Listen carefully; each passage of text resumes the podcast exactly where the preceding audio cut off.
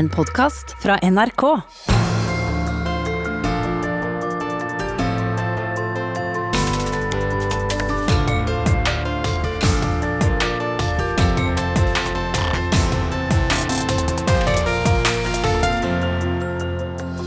I disse dager er det mange familier som gleder seg over å få mer tid sammen. Men krisetida gjør ekstra vondt for de barna som blir slått og misbrukte uten at noen sier ifra.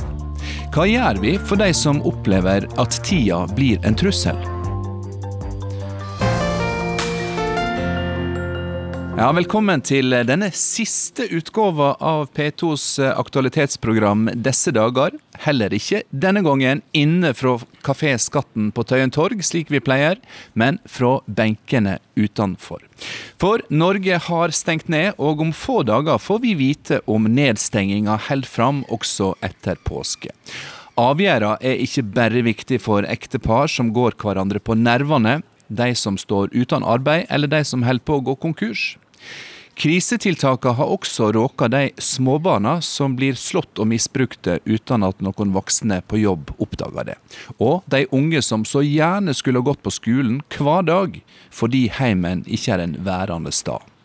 Det er de konstante krisene i deres liv denne sendinga skal handle om.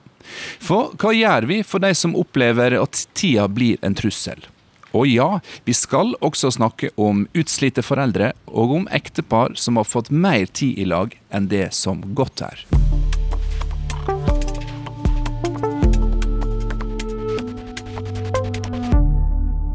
Klumpen i magen vokste gjennom helgen, lørdagene var verst. Dette var overskrifta på en kronikk i Aftenposten nylig, signert lederen i Landsforeningen for barnevernsbarn, Vilde Adolfsen. Velkommen til disse dager, Vilde. Denne gruinga du skrev om, hva handler den om? For mange barn og unge, så, og meg inkludert, så handler den om eh, et kontrollbehov som nå er borte. Eh, mange barn de har behov for å vite hva som skjer, og i denne kronikken som du snakker om, så gjorde jeg et poeng ut av å peke på hvordan eh, barn som blir utsatt for vold og overgrep, opplever helgen. At klumpen i magen den blir størst på lørdagen, for da er man midt i en helg. Det er lenge til fredag, og det er lenge til mandag, eh, og det føles ganske uoverkommelig å stå i det. Ja, og Den kronikken inneholder mange sitat eh, fra barnevernsbarn, dine medlemmer, som forteller om helgene. Nå snakker vi om skoler som er stengt i ukevis, og som kanskje forblir det. Eh, på hva måte opplever du at tida blir en trussel for eh, dine medlemmer, barnevernsbarna? Problemet ligger jo i at vi ikke vet hvor lenge det skal være. Veldig mange barnevernsbarn forteller om dette behovet for å vite når går jeg tilbake til vanene mine. Når kommer mandagen? Eh, det er det de holder seg til når lørdagen blir så verst. I denne tilstanden vi er i nå, så vet vi ikke når den tiden kommer tilbake.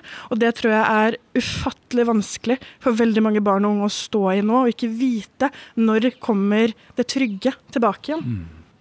Men bortsett fra uh, mangel på det trygge, hva er det som blir borte for uh, barn og unge som trenger skolen når den er stengt? Hverdagen blir borte, og i hverdagen så ligger jo da venner, det ligger forutsigbarhet i de lærerne man er vant til å møte. Svært mange barn, selv om de ikke forteller om hvordan de har det, eh, har blikkontakt med en lærer på skolen eller en sosiallærer, eh, og den blikkontakten den gir igjen denne tryggheten da, som gjør at OK, da skal jeg stå i det en dag til, og kanskje jeg kommer til å fortelle om det dagen etterpå. Og En av disse sosiallærerne du nevner, som har som jobb å være en trygg voksen, det er deg, Gro Christensen. Du er sosiallærer på Rødtvet skole i Groruddalen i Oslo. Hva er det du gjør på jobb som gjør deg viktig i skolebarna sine liv? Det er et uh, veldig godt spørsmål, for det er ikke alt som står i min arbeidsbeskrivelse nødvendigvis. Men det handler jo om å være en uh, synlig voksen. En voksen som uh, er tilgjengelig. En som det er lett å få tak i. En ekstra voksen, rett og slett. Ja. Og så fortalte du meg at da meldinga om skolestenginga kom, så var det noen elever du umiddelbart begynte å uroe deg for. Hva handler den uroa om? Eh, det handler om litt forskjellige ting. Vi vet jo at eh, på skolen vår så har vi noen barn som ikke har det helt trygt og godt hjemme. Det er jo det ene vi tenker på.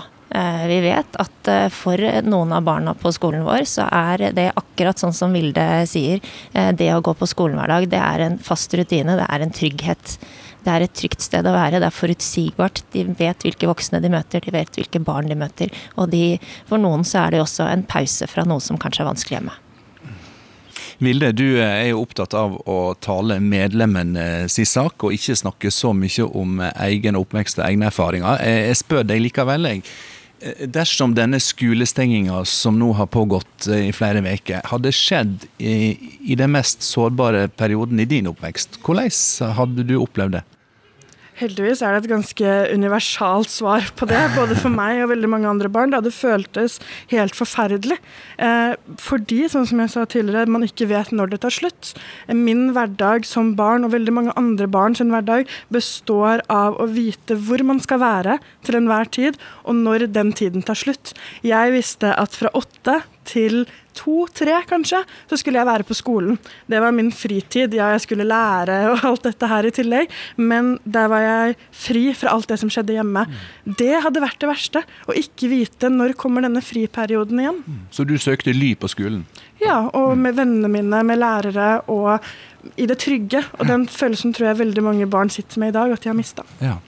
Gro Kristensen, eh, hva har du kunnet gjøre for disse elevene du uroer deg for, i, og andre skolebarn på Rødtvet skole, i denne perioden da skolen har vært så godt som stengt? Ja, Det første jeg vil si da, det er jo det at kontaktlærerne gjør en utrolig fantastisk jobb. De har ekstremt hektiske dager. De sitter ikke på sofaen og ser på Netflix. Er, her er det digital eh, undervisning eh, fra tidlig på morgenen til seint på kvelden. Og de, eh, de, har tett kontakt med barna. Den, det viktigste jobben vår egentlig er å bruke den bakgrunnskunnskapen vi allerede har om barna og familiene, og særlig da i denne sammenheng da, for de barna som vi bekymrer oss for. Um, alle kontaktlærerne ringer til sine elever minst to ganger i uka. Snakker med både barna og foreldrene, og noen ganger har de samtaler hvor det, de bruker Teams eller andre digitale plattformer, sånn at man ser hverandre også. Men det med å ringe til alle elevene, som jo lærerne i Oslo-skolen er bedt om, mm. Handler det om å ha kontakt med hver enkelt elev, eller er det også en, si, en litt fornekt måte å nå ut til de sårbare på, uten at de skal føle seg stigmatiserte? Vet du hva, Det er nok litt begge deler. fordi vi alle vi ønsker å ha kontakt med alle barna. Det gjør vi helt uh, oppriktig. Men så er det klart at det er noen vi er enda mer nysgjerrig på enn andre hvordan har det. Og de er det kjempeviktig at vi får tak i. Hvordan har det gått med, med dine elever, da, som du eh, har et spesielt, eh, hva skal jeg si, et spesielt øye til? Et øye på? Ja, det er jo noen jeg ringer hjem til også. Og jeg har eh, møtt noen på en liten gåtur eh, for å ta en liten prat. Um, det er eh, mange av de som eh, sier at de har det veldig bra. Og flere av de vet vi også at uh, altså Der ser vi at det, her ser vi et barn som faktisk blomstrer litt også. Kanskje det faktisk var godt å få være litt hjemme òg. Og så er det jo uh, noen vi er usikre på. Vi vet jo ikke helt, og vi vet at barn er jo kjempegode på å skjule hvordan eh, ting er hvis det er vanskelig. Med dagens sending så ønsker ikke jeg først og fremst å fokusere på hva følger som de strenge koronatiltakene har fått, eh, men heller fokusere på hva denne nedstenginga forteller oss om normaltilstanden, altså livet til disse sårbare barna. Og Da vil jeg spørre deg, Vilde Adolfsen i Landsforening for barnevern, barnevernsbarn. Hva mener du om merkelappen 'sårbare barn', som mange har brukt denne siste tida? Eh, det er et stort spørsmål eh, hva vi mener om den. Eh, I den sammenhengen vi er i nå, så er det en vanskelig definisjon å forstå seg på. Fordi vi som voksne, vi forstår den. Vi snakker om barn som trenger hjelp av det offentlige eller litt ekstra hjelp fra skolen. Men disse barna vet ikke nødvendigvis selv at de er sårbare.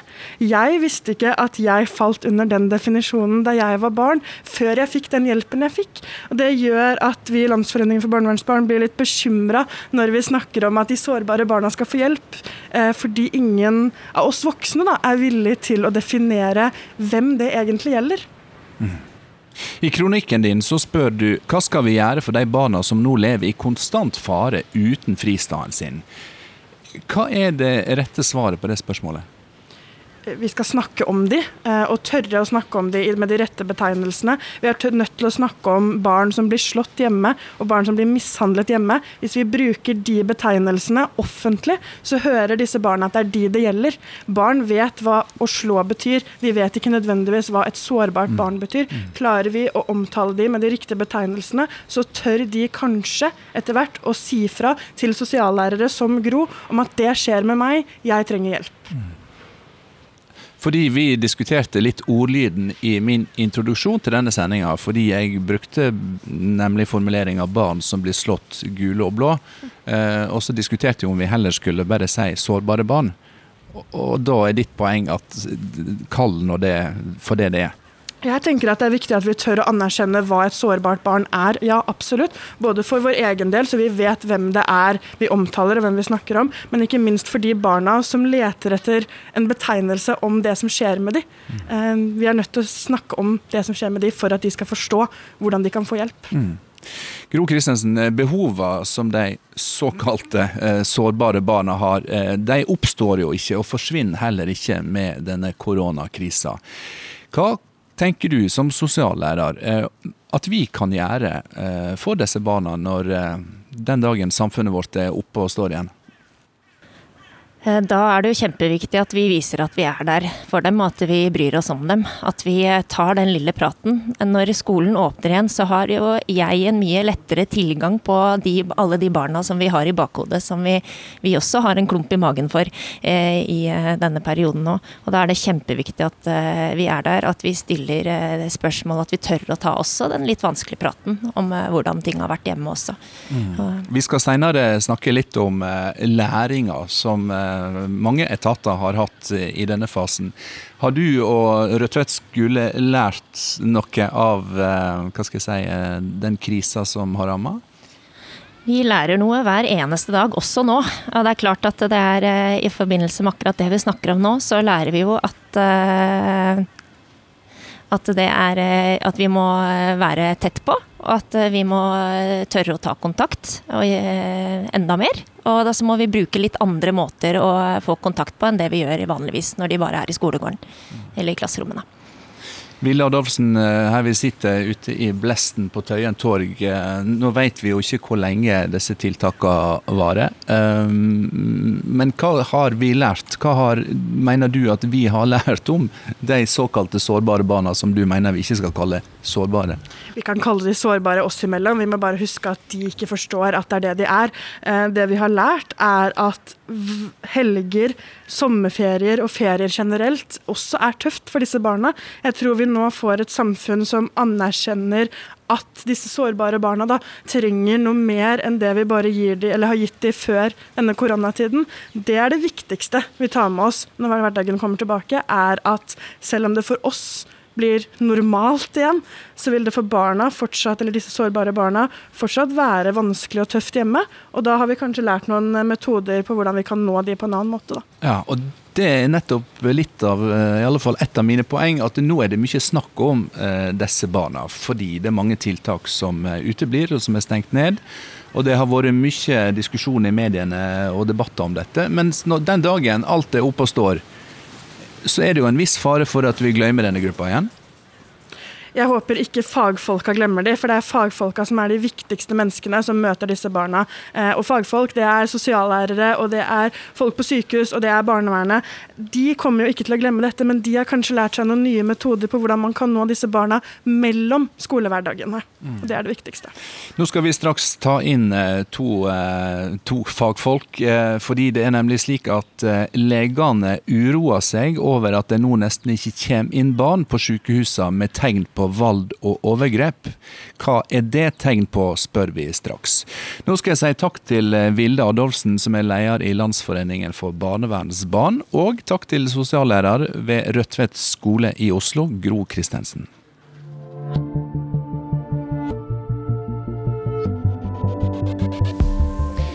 Vanligvis er det et godt tegn at det sitter få pasienter på legen sitt venterom, eller at det kommer færre barn til sykehus med blåmerker og uforklarlige skader. Men i denne unntakstilstanden så er det et veldig dårlig tegn. Det vet de som kaster lys over samfunnets skuggesider. Velkommen til disse dager, Katrine Monrad Hagen. Takk. Du er seksjonsleder ved sosialpediatrisk seksjon på Oslo universitetssykehus. Det er så vidt jeg klarer å uttale det. Ja, det er et langt navn. Men det er altså en seksjon som eh, tar imot eh, små pasienter, barn. Eh, og der har det sett en kraftig nedgang i antall pasienter. Og det er et dårlig tegn, sier du. Hvorfor er det det? Ja, altså Ved seksjonen vår så jobber vi med barn eh, fra 0 til 18. Bl.a. barn hvor eh, man kan ha grunn til å mistenke at de har vært utsatt for alvorlig omsorgssvikt, vold eller seksuelle overgrep. Og jeg er barnelege der, og sammen med andre barneleger, barnesykepleiere og andre fagfolk, så undersøker vi disse barna eh, med tanke på helseaspektet for å eh, avdekke helsebehov, akutte eller langvarige, men også det å undersøke eh, akutte skader. Eh, se tegn kroppen har på omsorgssvikt, vold og seksuelle overgrep. Og nå, i situasjonen vi har nå, så ser vi veldig mye færre pasienter enn det vi vanligvis gjør. Hvor mange pasienter har dere på ei, ei vanlig uke? en En vanlig uke, det er jo litt eh, variasjon, men eh, 10-15 barn undersøker vi normalt sett eh, hver, hver uke. Og nå de siste tre ukene har vi til sammen undersøkt fire barn. Denne uken tre, og forrige uke en, eh, ett barn. Og den første uken eh, Norge var stengt, da hadde vi ingen barn til undersøkelse. Hva er forklaringa di på at eh, dere får inn såpass færre pasienter nå enn ellers? Nei, altså det er jo selvfølgelig vanskelig å si helt sikkert. Men vi har jo grunn til å mistenke at dette ikke er fordi barn nå ikke utsettes for vold og overgrep og omsorgssvikt. Men barna er jo i liten grad i barnehage og på skole. Eh, de er i liten grad ute blant folk. Eh, og da vil vi jo tro at eh, det også er forklaringen på at det ikke blir meldt bekymring til barnevern og politi, som gjerne er de som ber om medisinsk undersøkelse av barna hos oss. Hva type skader er det dere ser og ser etter på de pasientene som vanligvis kommer inn? Ja, altså Når barna kommer til undersøkelse hos oss, så møter de en barnelege og en barnesykepleier med erfaring i å undersøke barn. Og da ser vi eh, etter eh, vanlige helseforhold og lytter på hjertet og, og lunger og, og ser over huden og osv. Og, så og ser etter forhold eh, som eh, kan vise at barnet har vært utsatt for eh, vold, eh, omsorgssvikt. Og også eh, når det er mistanke om det, så gjøres en barnegynekologisk undersøkelse med tanke på seksuelle overgrep. Og hva man finner, det er jo veldig stor variasjon, men det kan være alvorlige tegn på at barnet kan ha vært utsatt for påført skade. Med arr, eh, brennskader.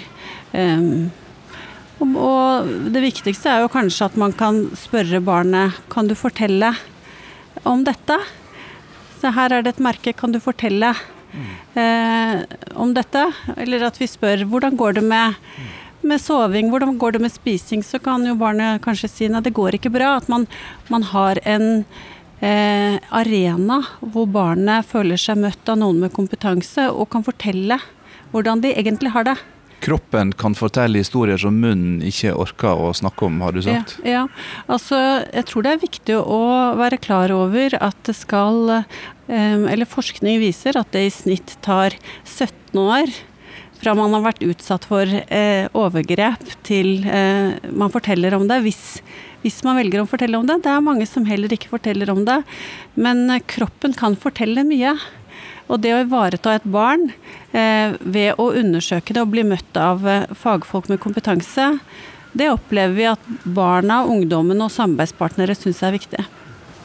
En tidligere kollega av deg på sykehuset er barnelegen, som senere ble barneombud. Velkommen til disse dager, Anne Lindboe.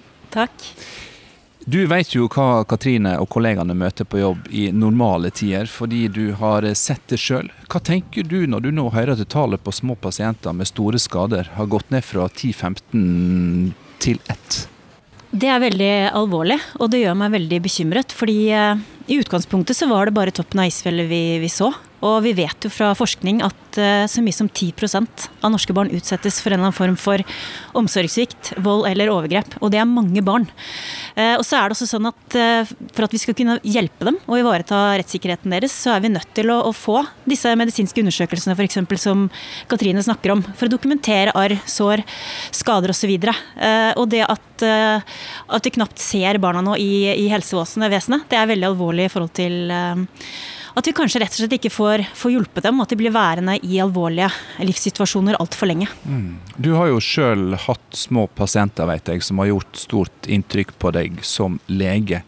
Er det noen spesielle du har tenkt på i det siste og takka uh, hvem det nå måtte være, for at dette ble oppdaga, og at dette ikke skjedde i en tid da landet var nedstengt? Ja, både som, som, barnelege og rettsmedisiner, eh, som jeg også jobbet som, og, og barneombud, så møtte jeg veldig mange barn med forskjellige eh, volds- og overgrepserfaringer som har gjort inntrykk på meg.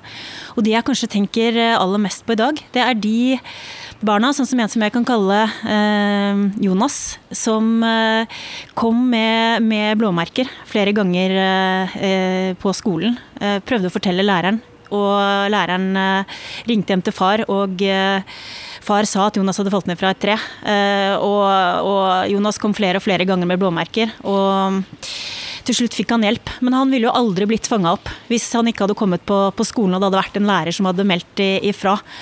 Nå representerer du Anne Lindboe, landets private barnehager som direktør for Private barnehagers landsforbund. Hva sier dine medlemmer om eh, lagnaden for de minste og mest sårbare barna i denne unntakstilstanden?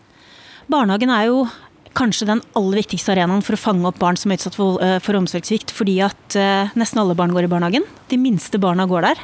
Uh, de barna som ikke selv kan fortelle. Og vi vet jo at de er aller mest utsatt. Og så er det også en fantastisk mulighet til å se hvordan de ansatte i, i barnehagen er i kontakt med familiene og, og, kan se, hente og bringe situasjoner, hva slags mat du har med, klær, hvordan du er stelt osv. Barnehagene våre nå de er de er veldig aktive og veldig eh, De gjør fantastisk mye bra, faktisk. Vi hadde akkurat en medlemsundersøkelse ute nå, der det er over 1000 barnehager som har eh, svart. Eh, og det de forteller, er at 80, 80 av dem har åpen, faktisk. Og nesten halvparten av de barna som er der, er sårbare barn. Så de har gått aktivt ut, og, de ringer foreldrene. De er i aktiv dialog med foreldrene og oppfordrer dem til å sende barna i barnehagen. Tilbake til deg, Katrine Monrad Hagen. Eh, barnehagene som Lindboe representerer her, er, ett et av flere ledd som kan varsle om mulige overgrep eh, mot barn. Hva andre instanser er det som bruker å slå alarm, som nå ikke eh, fungerer slik som de normalt sett gjør? Barnehagene er jo en del steder nærmest stengt, men det du forteller om, Anne, syns jeg er jo veldig flott. Det at det er trygge voksne som kan komme eh, og snakke med barna og spørre hvordan er det du har det egentlig. Eh, det øker sannsynligheten for at barnet kan fortelle at det kanskje ikke er helt bra. Og jeg har også veldig stor respekt for de foreldrene som kanskje sier at vet du hva, det går egentlig ikke så bra. Det hadde vært veldig fint med litt hjelp nå. Så det er jo eh, selvfølgelig viktig med barnehage og skole. Og så er det jo helsetjenesten. Så er det kommunale ø, omsorgstjenester og nettverk, naboer alle må vi nå bry oss litt ekstra. Ehm, tenke etter hvem er det jeg kjenner til, hvem er det jeg vet om som nå kanskje har det litt ekstra vanskelig. Og så tørre oss å spørre hvordan har du det egentlig? Og så er jeg litt opptatt av det at man må lytte på svaret òg. Og hvis magefølelsen da gjør at du blir bekymret, eller du får rett og slett svar 'jeg har det ikke bra', da har vi en meldeplikt. Anne Lindboe, nå er det jo eh, noen dager igjen til regjeringa forteller oss eh, hva som blir veien videre etter påske. Mm, om barnehager og skoler på helt eller delvis skal åpne. Og så sier du at det viktigste er å åpne tilbudene for de minste barna, typ barnehagen. Hvorfor er det viktigst? Det er pga. det som jeg sa i stad, at de minste barna er aller mest eh, sårbare. De du kan ikke bare ringe hjem eh, på en måte og spørre et, et to år gammelt barn hvordan eh, de har det hjemme. Så Derfor så er det så viktig at vi har det sikkerhetsnettet som, som barnehagen utgjør. Jeg håper på en gradvis eh, åpning av barnehagene. Og Det vi har anbefalt er at man selvfølgelig gir de sårbare, mest utsatte barna plass først. Og så har jeg bare lyst til å si at det er jo fantastisk i den situasjonen vi står i nå, at man har fått eh, fokus på, på, sårbare barn. Eh, men dette har jeg jobbet med i hele min voksne karriere. Som barneombud, som rettsmedisiner, nå eh, i forhold til barnehager. Og de barna har vært der hele tiden. Og det er ikke sånn at disse oppfordringene nå plutselig oppsto pga. Av, av koronakrisen. Og i ytterste konsekvens så er dette faktisk et verdivalg. Og nå ser vi at som nasjon så er vi i stand til å ta et verdivalg, sette inn masse ressurser i forhold til å beskytte de mest sårbare eldre og, og andre med underliggende sykdommer mot korona. Men det, det, drepes altså flere barn årlig av foreldrene sine. Hundrevis blir alvorlig skadet for livet. Tusenvis for skolegang, eh, psykisk helse osv. ødelagt. Og jeg har ofte tidligere kalt dette en, en epidemi. Eh, så nå håper jeg at dette verdivalget vi tar videre også eh, gjelder denne gruppa, og at vi virkelig får på plass et, et hjelpesystem som de fortjener. Og at det er den lærdommen vi tar av den krisen. Det er flere sårbare blant oss, og de må også få den hjelpen de trenger. Jeg er helt enig. Anne Lindboe, tusen takk for denne kraftsalva til forsvar for de sårbare barna. Jeg skal si takk til deg som direktør i Private barnehagers landsforbund. Du Katrine skal få være med oss videre når vi nå kobler inn barnevernet og undersøker hvordan krisetiltakene i Norge påvirker de barna som burde ha vært flytta til en annen heim.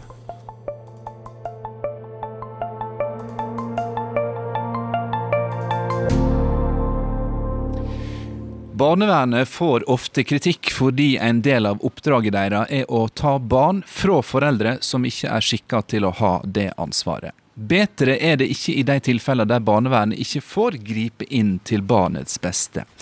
Og nå er barnevernstjenester, som mange andre offentlige tjenester, forhindra i å utføre deler av jobben sin. Da spør jeg deg, Kristine Nesvåg Berbom, du er avdelingsleder for barnevernet i Bærum. Hva følger får dette for deres arbeid?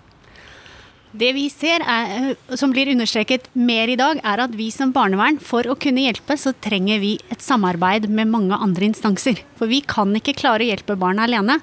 Vi trenger at skolene gjør sin del, barnehagene gjør sin del, medisinsk personell gjør sin del, politiet. Vi trenger alle disse instansene for at barn skal få den hjelpen de trenger.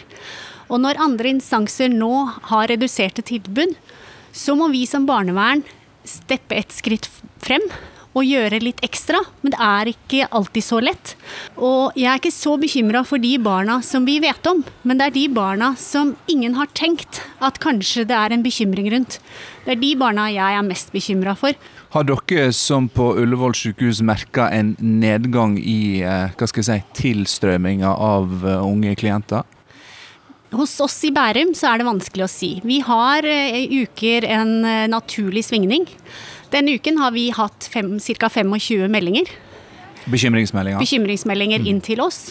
Det er fra forskjellige. Det er foreldre som selv tar kontakt og sier at nå er det litt vanskelig for oss, vi trenger hjelp. Det er naboer, det er familie, slekt. Det er også skoler og barnehager som tar kontakt med oss og sier at vi har vært i kontakt med denne familien, de trenger litt hjelp. Eh, men jeg vet jo også at andre barnevernstjenester har hatt en stor nedgang i antall meldinger.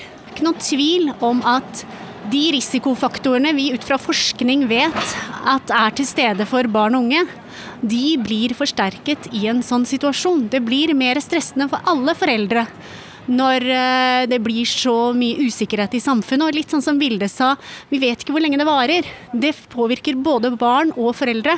Og så er det også veldig viktig, syns jeg, å holde fast på at det er ikke sånn at alle barn som eh, lever med vanskelige forhold, får det vanskeligere nå. Så det er viktig at vi snakker med barna, sånn at vi får sjekket ut hvordan er det for deg i denne situasjonen. Her på Tøyen torg, der vi sitter utendørs, så er det ikke så mye folk, men det er iallfall deler av eh, samfunnslivet som går sin vante gang, bl.a. vareleveransene til butikken her, som også lager litt lyd. Men du sier, Kristine, at når, eh, når, de instansene dere er avhengig av å samarbeide med, eh, ligger nede, mer eller mindre, så må dere steppe et steg fram. Og så sier du også at du er uroa for at det kan måtte gjennomføre tiltak som det helst ikke skulle ha gjennomført. Hva handler det om?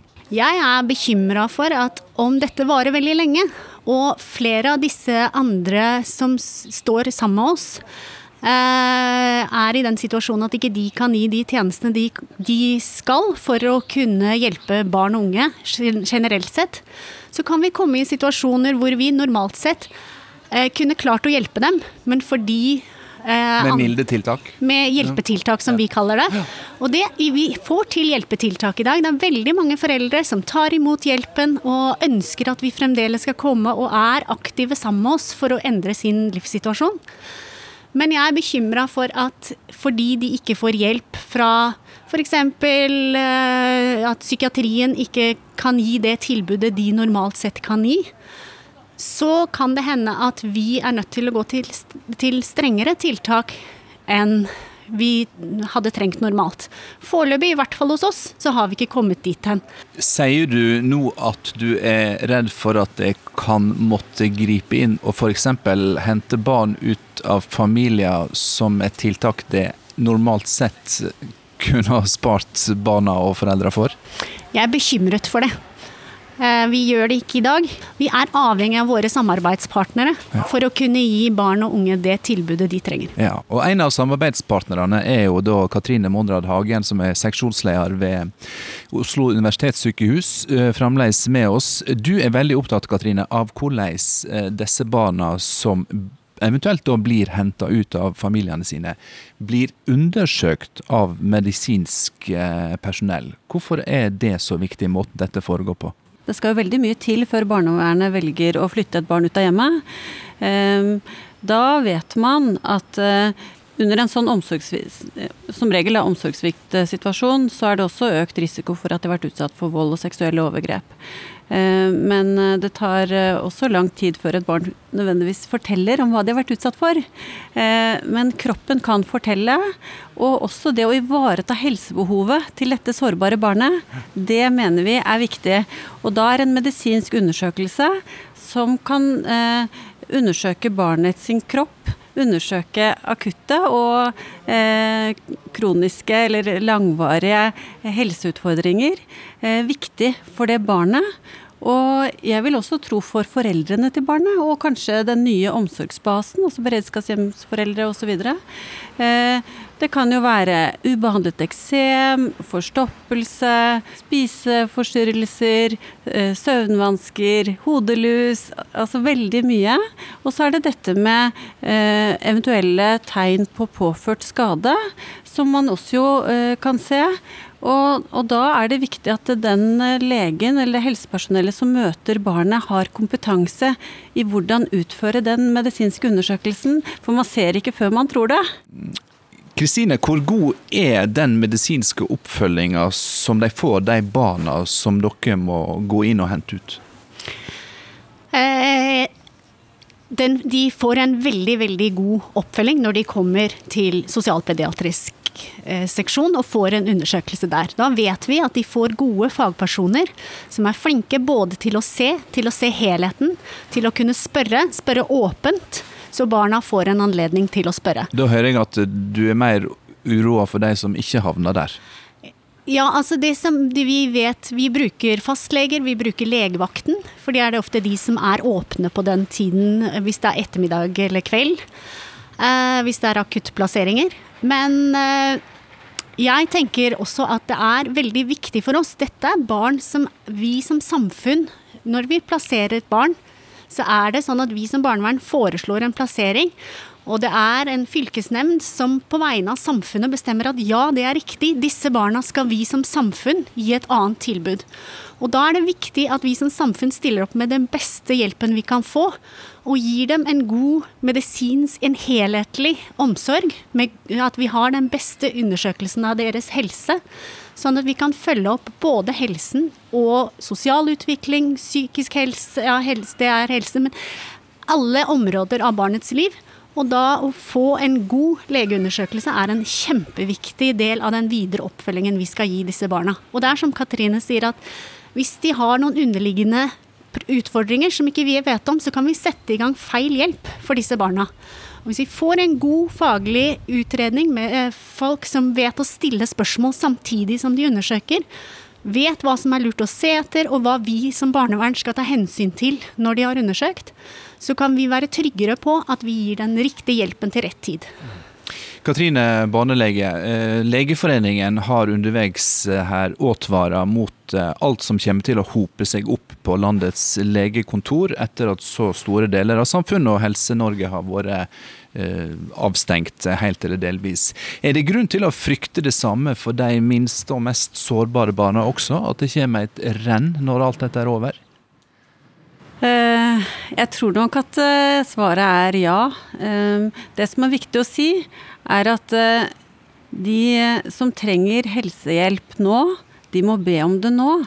Det er trygt å få helsehjelp hos fastleger, eh, på helsestasjon og på sykehusene, fordi vi har strenge smitteverntiltak. Vi er opptatt av å ivareta både de ansatte, pasientene og pårørende. Eh, men vi hører fra mange ulike hold at pasientene nå uteblir. Og faktisk den medisinske tilstanden som de egentlig burde tatt eh, kontakt med helsevesenet for, eh, kan være mer alvorlig enn en koronainfeksjon. Så det er viktig å si til alle som, eh, som hører på, og til samarbeidspartnere, at ta kontakt med helsehjelp. Og sånn som vi på sosialpediatrisk seksjon, vi er åpne. Vi har ansatte der for å undersøke disse barna og andre medisinske problemstillinger. Og noen ganger så må vi nok gjøre det nå på en litt annen måte enn tidligere, gjennom telefon og video og den typen eh, kontakt. Kristine Nesvåg eh, Bærbom fra barnevernet i Bærum. Jeg lurer på, vi er mange som eh, har vært involvert eller lurt på om vi skulle involvere oss i tilfeller der vi kan ha hatt mistanke om at barnet ikke har hatt det bra. Og så forteller du nå at uh, mange av barnevernets uh, hjelpere nå ikke kan hjelpe dere. Påligger det oss andre nå et større ansvar enn ellers å ha øyne og ører åpne for barn som kanskje trenger en voksen stemme? Ja, og så vil jeg si som mange andre har sagt i dag. Det gjelder alltid. Fordi at eh, skoler og barnehager de vil se noe. Og så vil naboer, familier og sånn se noe annet. Og så er det sånn at vi som barnevern vi ønsker å hjelpe foreldre først og fremst, så de skal få til å hjelpe sine egne barn. Og selv om da vi i dag ikke har alle de hjelperne rundt, så vi trenger slekt og venner og naboer. Og hvis det skulle komme til at dette blir en stor krise, sånn som det har blitt mange steder i f.eks. Italia, så trenger vi slekt og nettverk til å hjelpe. Det trenger vi alltid. Fordi det vil alltid være best for barn å få hjelp fra noen de kjenner, og noen som de er trygge på. Så kan vi gjøre de i stand til å hjelpe barna på den måten de trenger. Så ja, vi trenger at folk har ekstra øyne åpne nå. Vi trenger det alltid, men vi trenger også at de stepper opp og tenker 'jeg kan bidra med dette barnet her'. Og så må man også huske på at selv om du kan bidra, så kan det være at vi som barnevern også kan bidra inn der, sammen med nettverket. Det var en klar oppmoding eh, ut til landets eh, P2-lyttere fra eh, avdelingslederen i barnevernstjenesten i Bærum, Kristine Nesvåg Bærbom. Takk skal du ha for at du kom til oss. Takk også til Katrine Monrad Hagen, som er seksjonsleder ved sosialpediatrisk seksjon på Oslo universitetssykehus. Tid sammen med familien kan altså være en trussel for mange, ikke bare for sårbare barn. Også for det skjøre ekteskapet kan det bli for mye av det gode, og seinere i sendinga skal vi prøve å finne ut hva det er som skjer mellom oss mennesker når vi får mer tid med hverandre enn det som godt er. Ja, du hørte rett, vi byr altså på ei samlivsspalte i disse dager, om litt.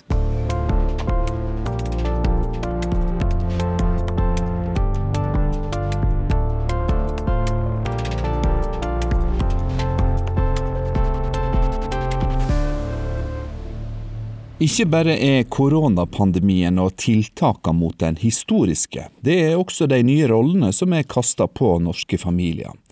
Foreldre har fått ansvaret for barnas læring, og kan ikke lenger outsource barnas fritid til frivillige og kommunalt tilsatte. Harald Tuen, velkommen til disse dager. Du er professor i pedagogikk ved Høgskolen i Innlandet, og har historier om oppdraging, barndom og utdanning som spesialfelt. Hvordan ser det som nå skjer kring om i de tusen heimene, ut i et historisk perspektiv? Hvis vi tar et uh, tilbakeblikk 60-70 år, så kommer vi til det som gjerne er kalt for husmorsamfunnet Det er 50-årene, 60-årene. Eh, og hadde en eh, koronakrise inntruffet da, så vil nok mange tenke som så at ja, men det ville dette samfunnet kunne klare å mestre. For mor var hjemme.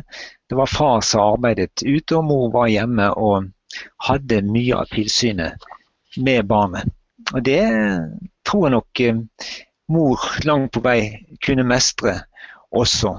Altså, dette var en tid, må vi huske da, uten barnehage, lite organisert fritid. Um, ja, barna kom hjem sånn i to-tre-tiden fra skolen, og så var de overlatt uh, til mor. Hvordan ville 50-tallets eh, husmor håndtert brøkrekning, svake verb og KRLE? Ja, nettopp. Det, det, er jo et annet spørsmål. Fordi utdanningsnivået den gangen eh, var jo på langt nær det samme så, som det er i dag. Så de ville nok hatt mye vanskeligere å kunne gå inn i skolehverdagen til barna og stått for, eh, for det lærerne står for i dag. Så dagens foreldre har en, en, i utgangspunktet et helt annen, helt annen bakgrunn og, og, er mye mer, bedre forberedt på dette. Eh, og I tillegg til det selvfølgelig til utdanningsnivået, den allmenne kunnskapsnivået den gangen, så har vi jo også i dag redskaper og en teknologi som man ikke hadde den gangen. I 1946 eh, hadde vi 400 000 elever og studenter. I dag har vi 1,2 millioner hvis vi òg tar med de som går i barnehage. Det betyr jo at det er en formidabel del av Norges befolkning som er knytt til utdanningssektoren. Og det er jo et stort ansvar og ei stor byrde som er lagt over på foreldre som kanskje mangler trening i å være pedagoger. Ja, Altså Dette utdanningssamfunnet det rammer jo oss alle i en sånn situasjon. For vi blir stilt utenfor de institusjonene som vi har et helt naturlig og dagligdags eh, forhold til. Og Det gjelder jo altså historisk så kom barnehagen den ble begynt begynte å ekspandere på 1970-tallet. Og i dag så er jo så å si alle barn fra ett år opp til skolealder i barnehage. 290 000 barn omtrent har sitt daglige virke i barnehagen. Og så er skolefritidsordningen kommet i tillegg. Um, og grunnskolens lengde er blitt utvidet. Så vi går atskillig lengre på skolen enn vi gjorde den gangen. Så, så uh, hele dette utdanningssamfunnet det setter ganske andre betingelser for uh, en sånn situasjon som vi er kommet i dag. Uh, sett i lys av det som fortiden eh, kan vise. I eh, sosiale medier er det mange foreldre som etterlyser tips til hva en kan finne på sammen med barna. Hva forteller det oss de stille ropa om hjelp? Eh, ja, De forteller jo ja, De er egentlig et sammensatt bilde. Fordi at jeg må huske på i en normalsituasjon så er det ikke bare skolen som engasjerer barna, det er også den organiserte fritiden. Så Eh, det at barnet kommer hjem fra skolen, det betyr jo ikke at det er overlatt fullt og helt til foreldrene. Ettermiddagen for barn flest og kvelden med er ofte beslaglagt. Så når fritidstilbudene forsvinner på lik linje med skoletilbudene, så, så er det jo en dobbel nedlukking på en måte for foreldrenes. Foreldrene står overfor en situasjon altså der de Eh, både i skoletiden og på fritiden på ettermiddagen og kvelden, må eh, stå for noe selv. Og så er jo selvfølgelig eh, spørsmålet da eh, Står de på bar bakke? Eh, og det tror jeg kanskje ikke de gjør på samme måte som man gjorde før. Hele kulturen vår, altså hele foreldrekulturen og barndomskulturen har forandret seg. Slik at eh, foreldrene har jo tatt mye mer del i barnas liv eh, suksessivt opp gjennom årene. Og Det synes å være en sånn eh, ja, Hvis man skulle se på tidsbruken til foreldre sammen med barna, så vil vi se at den er sterkt stigende. Samtidig som større deler av livet vårt har blitt et kommunalt ansvar og fritidsaktivitetene i større grad enn før er outsourca til frivillige, hvordan utfordrer dette oss i den situasjonen vi er i nå? Jo, det vil jo spille direkte inn på at vi må finne på ting selv. Det, det stiller barn, foreldrene på, på, på, nye prøver. Jeg vil vel tro at de har mye å spille på. Fordi at de har deltatt likevel altså, i så sterk grad i barnas liv. Så jeg er ikke særlig bekymret for det. Jeg tror denne tiden her som kan være eh, ekspressiv og utfordrende for, for, for dette foreldre-barn-samkvemmet. Foreldre har en erfaring eh, og en kultur, kulturbakgrunn å, å spille på. Eh, det er tett. Foreldre eh, samarbeider også eh, om barna sine, altså barnas venner. og foreldrene til barnas venner osv. Så, videre. så det, det, er tette kontakter som er skapt gjennom skolen, gjennom barnehagen, gjennom den organiserte fritiden, gjennom håndballklubben, som disse foreldrene nå kan spille på. Og som jeg tror de spiller på også. Når disse viktige samfunnsstrukturene brått har blitt borte for oss, tror du det er norske barn, eller er det norske foreldre som har fått den største overraskinga? Jeg tror jo at eh, det er den største byrden eh, er det for, for foreldrene. Eh, jeg tror mange foreldre synes at dette kan være morsomt en tid, men at man savner voksenkontakten sin som man har i arbeidslivet. Ehm, for barna så tror jeg kanskje det er litt annerledes. Altså, jeg tror kanskje de over litt lengre tid kan eh, stå ut med dette livet. Eh, det, altså, det er jo klart at det vil være avhengig av eh, hvilke barn på hvilke alderstrinn vi snakker om. Altså Små barn tror jeg kan i, i, i barneskolealder tror jeg kan eh, synes at det er trivelig å ha mor og far hjemme og rundt seg. Eh, skolebarn vil kanskje etter en tid savne litt fellesskapet.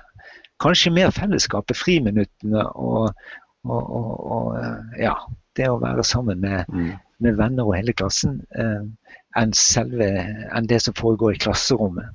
Ja, Så gjenstår det å se hvor lenge denne unntakssituasjonen i norsk skole vil vare.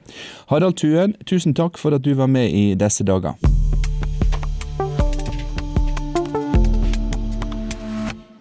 Nylig la seg et eh, godt gammelt eh, leserbrev i avisa, skrevet av ei inntil nylig forhåpningsfull kvinne som hadde gleda seg sånn til ei deilig karantenetid med den travle og hardtarbeidende mannen sin. Men så viste det seg da at karantenetid ble konflikttid, og dersom de strenge krisetiltakene holdt fram, kunne hele ekteskapet stå i fare, tolka jeg det som. Velkommen da, Jaran Olsen, psykolog ved Institutt for psykologisk rådgivning. Velkommen til denne samlivsspalten, får jeg si. Hva er det som gjør tida til en trussel for enkelte par? Først og fremst det at det blir mer tid sammen. da, At man får mer nærhet, man kommer nærmere hverandre. Eh, og det kan føre til mye friksjon. Eh, og så man, De tingene som er vanskelig i relasjonen, da, de blir forsterka. De, eh, de, blir tydeligere. Og, og, de behovene som, som man på en måte kanskje får dekka på andre måter til vanlig, eller distraherer seg bort fra, kanskje i veldig stor grad, da, eh, de blir veldig merkbare. Um, så er det spesielt Det er vanskelig nok å være ett menneske, ikke sant, og forstå seg selv og klare å møte sine egne greier, men når man er to mennesker sammen som kanskje ikke er 100% kompatible, ikke sant, så, så kan det virkelig bli eh, baluba, da. Um, for Du hadde en bra formulering eh, da vi snakka sammen tidligere. Du sier at tid i relasjon kan være det samme som nasjonalisme i et samfunn. Det kan være både kitt og dynamitt på samme ja. tid. Mm. Og Det kommer veldig an på eh, hvilke behov eh, paret har. Og de, de, de, to ulike partnerne i, eh, i et par. Så, så, som Hun som du refererte til, da, det var helt tydelig at ja, hun, hennes behov var mer nærhet, mer tid sammen. Eh, flere gode samtaler. ikke sant? Så hun gleda seg til det der og tenkte at det, det blir bra.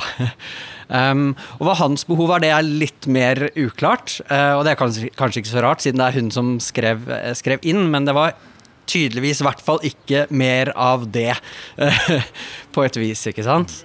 Uh, sånn at eh, hadde, hadde hun hatt en partner som var veldig lik seg selv i behov der, så hadde det blitt veldig kitt. ikke sant? Da, da hadde det blitt helt fantastisk med denne koronakrisen, for da får vi masse tid til hverandre, og nå kan vi gjøre de tingene som vi begge egentlig har veldig lyst til, og som vi næres av. da.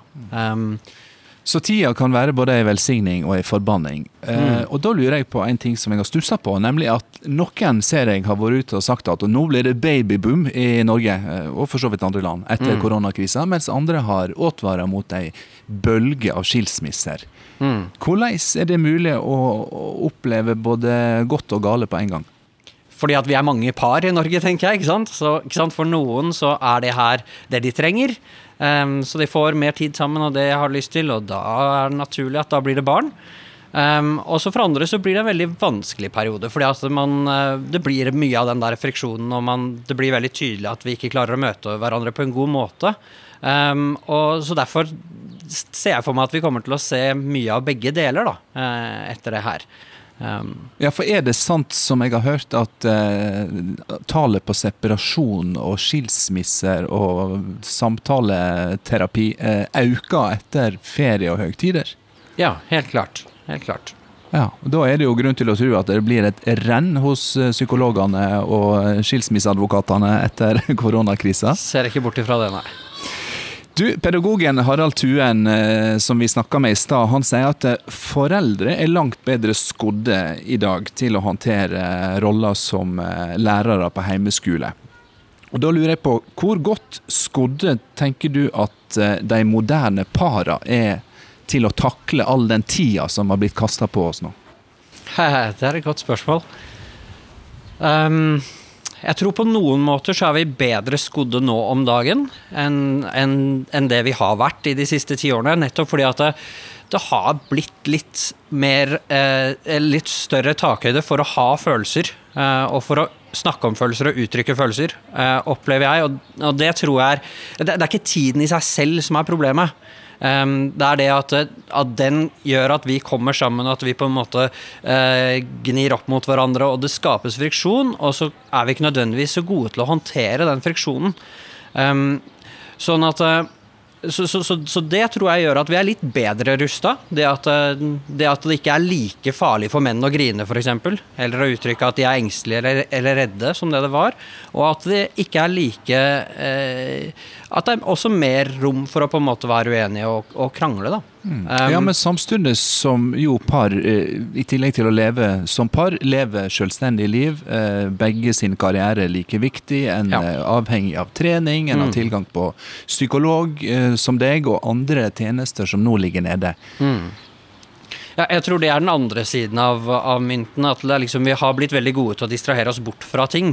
Vi har blitt veldig gode til å holde oss opptatt og, og blitt mer og mer effektive til å egentlig rømme unna de problemene som egentlig er der. da. Uh, og så, så, så, det kan hende at kan være en utfordring nå, selv om uh, vi, er, vi har heldigvis på, på, på, en eller annen måte ikke karantene fra smarttelefoner og fra, fra, Netflix og alle mulige sånne ting. Så det kan godt hende at mye av de distraksjonene er mulig å opprettholde allikevel. Da. Uh, på, på, godt og på vondt. Nå får vi jo snart ei en avklaring på hvor lenge disse krisetiltakene skal vare, og hva form de skal få etter påske. Mm. Eh, til de som nå eh, står og ser på partneren sin og, og, lurer på hvordan i all verden skal jeg holde ut med deg eh, hvis alt blir nedstengt i enda en måned, hva har du å, å si til deg da som psykolog? Først og fremst så, så, vil jeg bare si at det er vanskelig. Um, Nettopp fordi at ja, man er to personer, og det er liksom, det er vanskelig nok å få orden på seg selv og liksom få kontroll på seg selv. Og, um, så, så, så, veldig mange prøver å tenke at jeg, liksom, jeg vil endre partneren min da, for, å, for, at det her skal bli bedre. Jeg trenger noe annet fra deg. Uh, og så er det veldig vanskelig å, å, endre andre folk, og spesielt hvis vi kommanderer dem til å endre seg. Da. Um, så jeg tror tror det å bare anerkjenne at det er vanskelig, og at det her er kanskje en periode hvor det er ekstra vanskelig, um, sånn at vi skal uh, ikke legge for mye på våre egne skuldre heller, da, ikke sant, um, tror jeg er viktig. Um, men så tror jeg at det vi kan gjøre, er å, å prøve å bli litt mer sånn kloke på våre egne våre egne følelser og våre egne reaksjoner, og liksom komme litt sånn i kontakt med hva jeg egentlig trenger. for som mennesker så er vi ganske gode til å egentlig uttrykke mye annet enn det vi egentlig trenger, ikke sant? Um, så det er mange som går og egentlig er lei seg, eller ensomme, eller engstelige, og så uh, kommer det ut som masse sinne og bitterhet og negativitet isteden, f.eks. Ikke sant? Um, og så blir man skuffa når man blir møtt med, møtt med på en måte at uh, den andre tar avstand eller uh, slenger noe tilbake, da, ikke sant. Mm. Så koronakrise kan også bli ei krisetid for norske par, med mindre enn da, som du sier, Aran, erkjenner at Eh, dette så ikke vi komme, dette var det ingen som hadde bedt om, og ja, det er vanskelig. Mm. Ja, ikke sant? For det er noe med det der å se at ja, det er en krisetid, men krise betyr ikke at det er dømt til å gå dårlig. Ikke sant? Det er en mulighet til å jobbe med det som er viktig. Eh, og sånn som mange før her har vært inne på, at det her er ikke noe som har kommet nå. ikke sant? At de problemene som oppstår nå pga. at vi har mer tid sammen, det er de samme problemene, mest sannsynlig for de fleste, som egentlig har vært der i lang tid i forholdet. da. Det er bare at nå blir det tydeligere fordi at vi blir på en måte dytta sammen inn i en brakke. da. Um, og da oppstår brakkesyke. Yes. Jaran Olsen, tusen takk skal du ha for at du kom inn, hit til oss i disse dager og representerte Institutt for eh, psykologisk rådgivning. Og takk for at du var med i den første og siste samlivsspalta i disse dager. For ikke bare siste samlivsspalte, faktisk siste utgave av dette P2-programmet som i dag var ved ansvarlige Hellige Marie Thorsdatter Svensson og Jakob Ødmann. De styrte teknikken. Reporter var Linn Helene Løken og produsent Marte Rommetveit. Jeg heter Håkon Haugsbø og har sammen med en trufast lytterskare det siste året forsøkt å bli litt klokere og litt mindre skråsikker. Det håper jeg også du har blitt. Takk for følget.